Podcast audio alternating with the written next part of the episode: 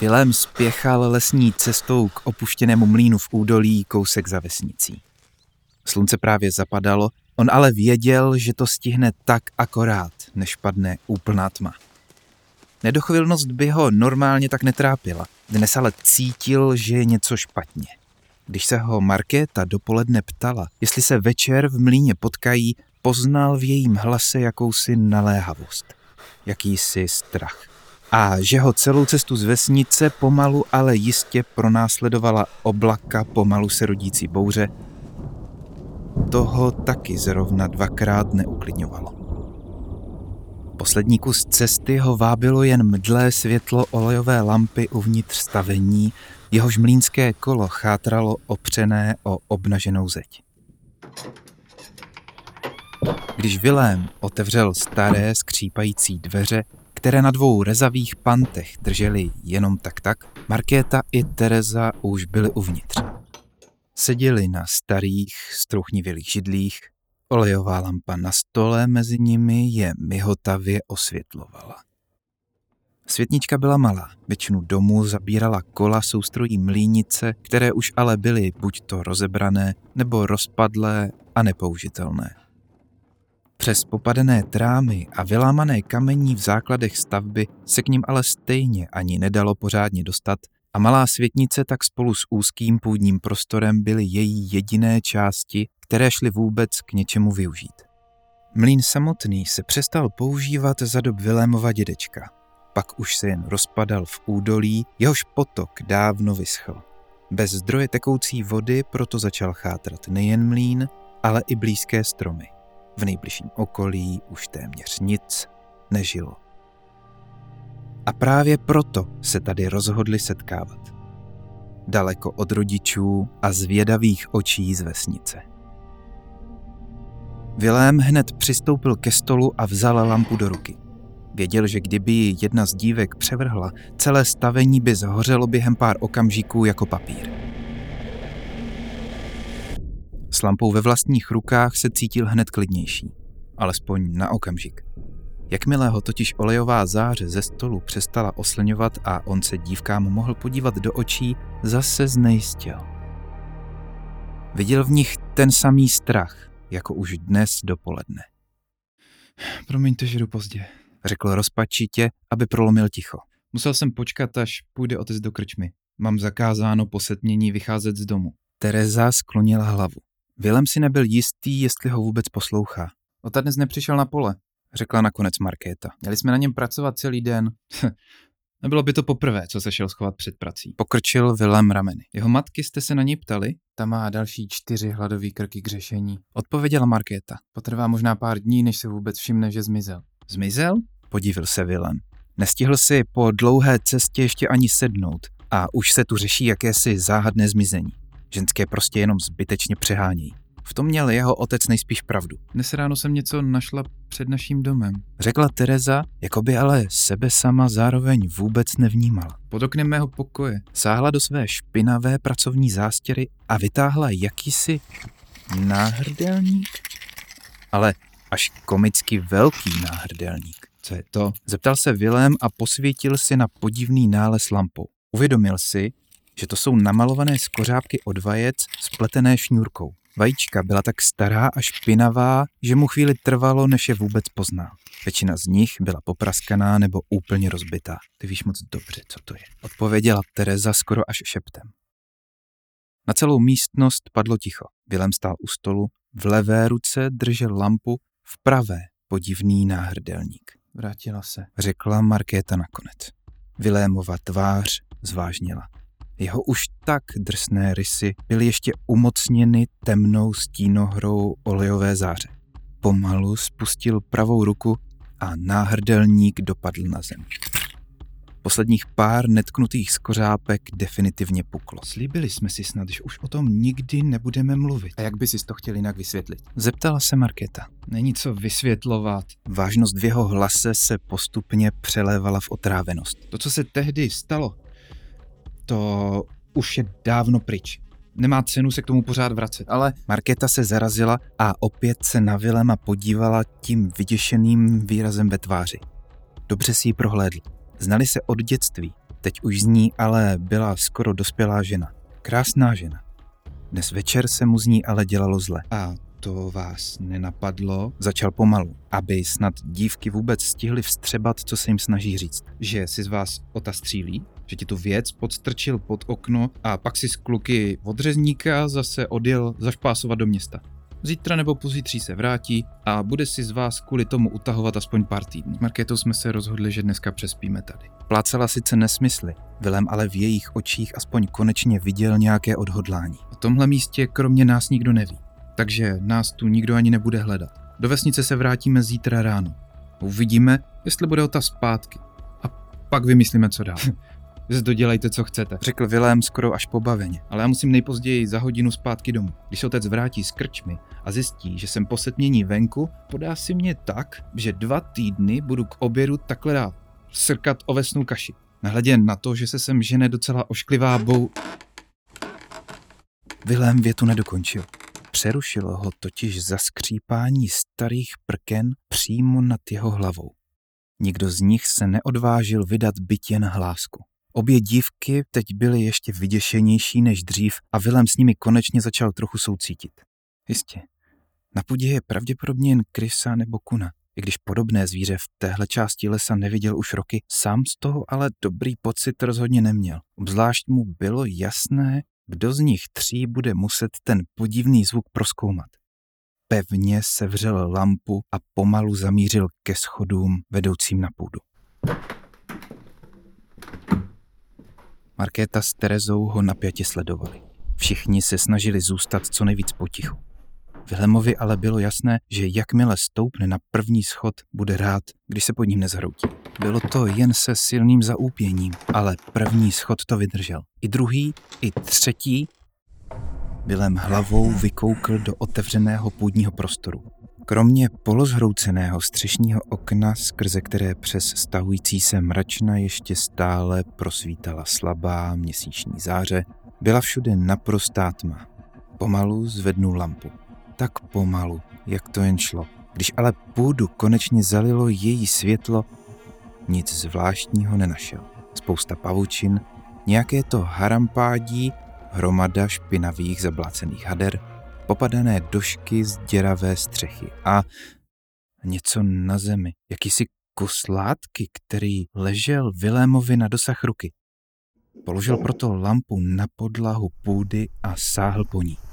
Byl to ušmudlaný pracovní šátek. Pracovní šátek potřísněný krví. Pracovní šátek, který patřil Otovi. Vilém pomalu se stoupil zpátky dolů. Strouchnivělé schody ho zase udrželi, tentokrát jim už ale vůbec nevěnoval pozornost. Položil na stůl nejdřív lampu a pak i zakrvácený šátek. Pak sledoval, jak se vyděšený výraz v dívčiných tvářích mění v čistou hrůzu.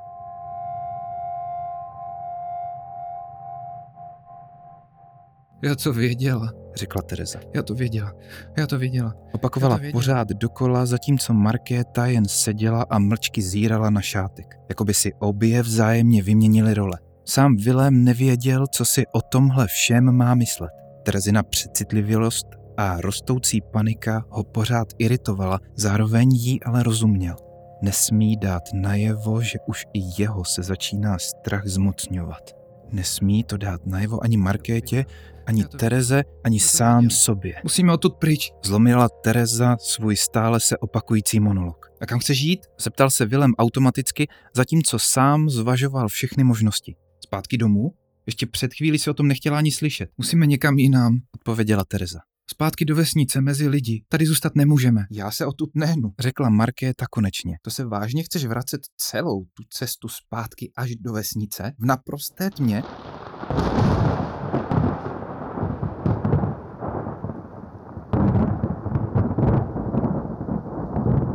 Skoro jako napovel, její poslední větu doprovázelo nedaleké zahrmění. Nemůžem přece vědět, že je to vážně ona. Snažil se Vilém marně uklidnit situaci. To myslíš opravdu vážně? Podívila se Tereza až s náznakem smíchu v hlase. Začíná jaro. Od toho večera už je to skoro rok. A jak si sám řekl, nikdo jiný o tom neví. Nikomu jinému jsme o tom neřekli. A co Ota? Namítl Vilém. Třeba si někde ve městě pustil hubu na špacír a někdo, kdo ho poslouchal, se rozhodl si na to posvítit. To by vysvětlovalo, proč zrovna on Není, znovu se nervózně podíval na skrvácený šátek. To by neměnilo nic na tom, že tady jsme v nebezpečí, odpověděla Teresa.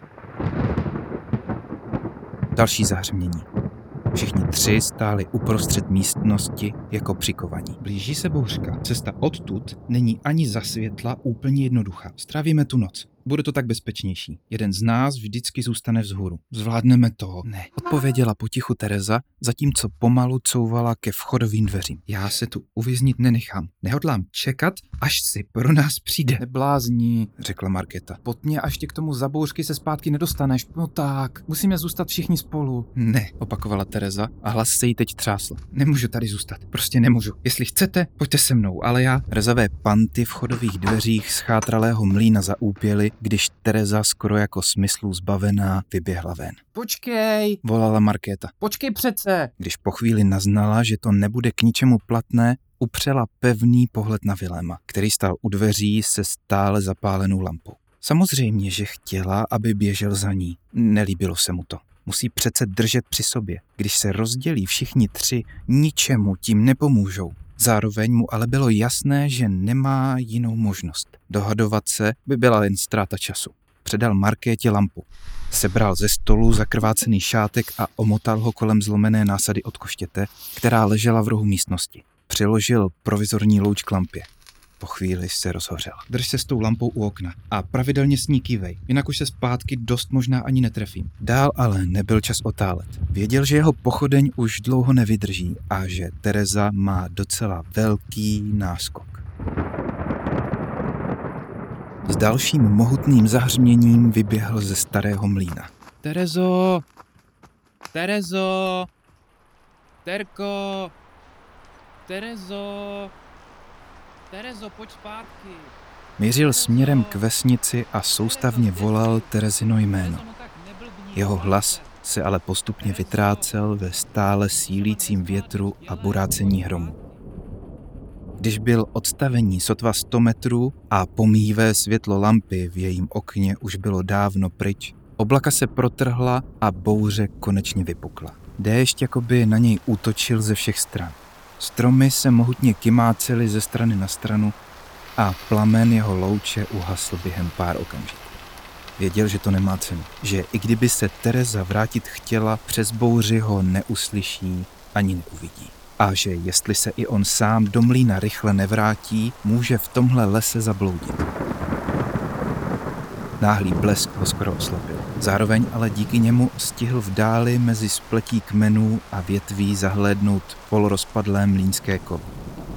Pomalu se vydal směrem k němu. Pravou rukou pevně svíral zlomenou násadu od koštěte. Teď už mu sice v podstatě k ničemu nebyla, i tak se s ní ale cítil tak trochu bezpečněji. Z následujícího mohutného hromu pocítil, jak živel mocně udeřil nedaleko od něj. Následovala další záře. Silným zaburácením doprovázená už skoro okamžitě.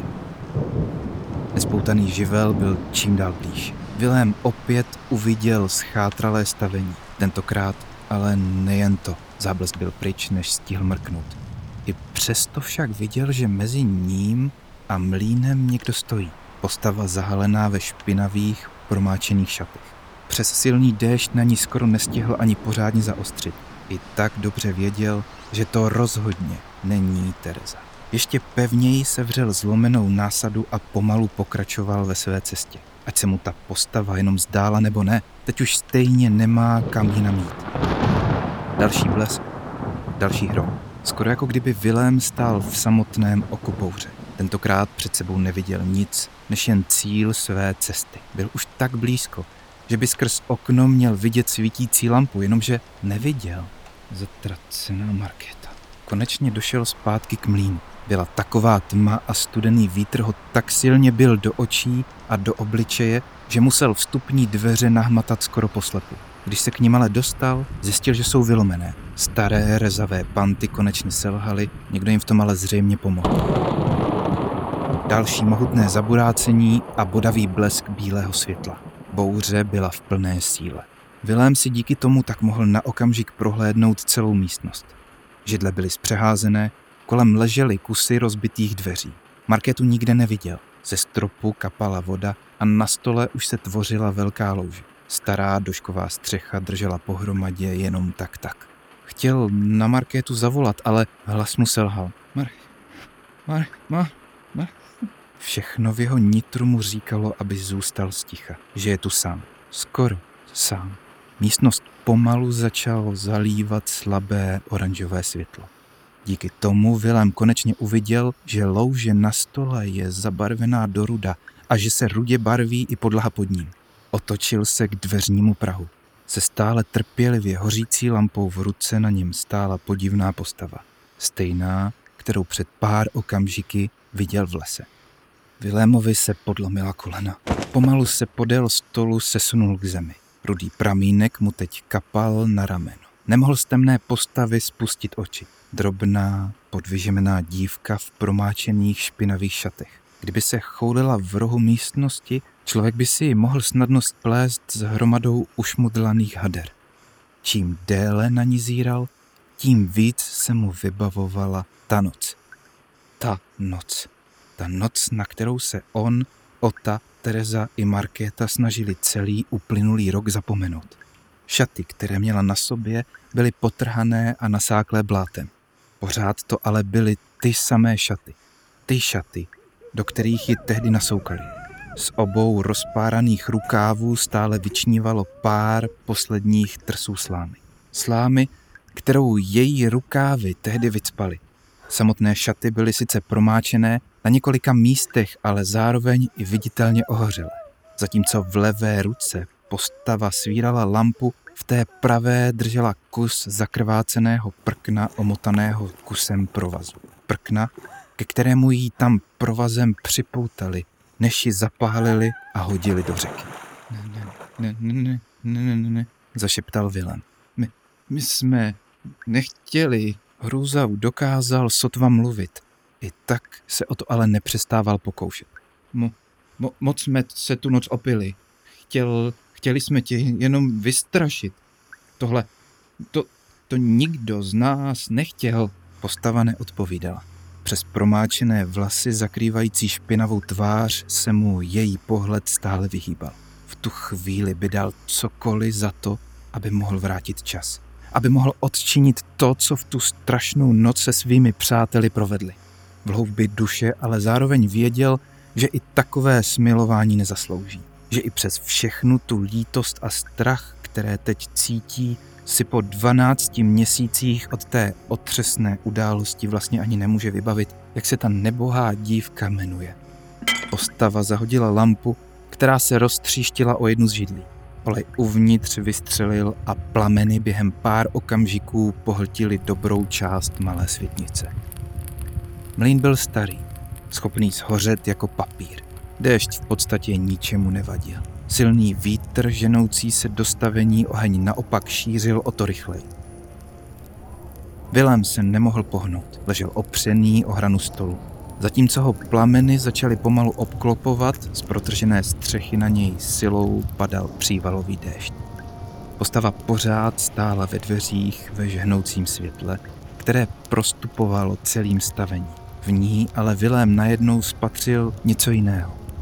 Náhle v ní neviděl smrt, i když právě jako smrt ji tehdy z žertu oblékli. Nebyl to pomstychtivý přízrak ani nemrtvá čarodejnice. Viděl před sebou jenom zuboženou, vystrašenou dívku, pouhý stín jejího předchozího já, který se po celou tu dobu držel při životě snad právě kvůli této chvíli. Dívka padla na kolena a rozplakala se. Vilém začal plakat s ní. Oči mu zalily slzy a pak prach a popel. Voda, kterou před pár minutami celý nasákl, se z něj teď začala rychle vypařovat. Brzy přestal plakat a začal lapat po dechu. Horko bylo nesnesitelné. Zatímco Vilém úpěl v nepopsatelné agónii horoucích plamenů, dívka stále plakala. Plakala, dokud déšť neustal dokud se schátralé stavení nezměnilo v hromádku popela a kamení a oheň nepřeskočil na okolní suché stromy. Plakala, dokud se poslední zimní noc neproměnila v první jarní ráno.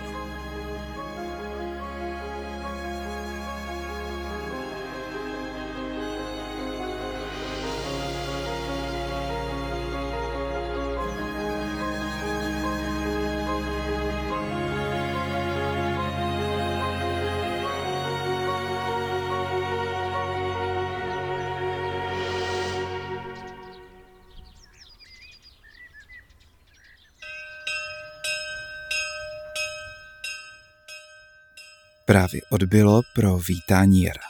Jarní speciál a zároveň osmou povídku z původní antologie Klekání, kterou napsal Vašek Urbánek, namluvil, zpracoval a namíchal Tomáš Sobel.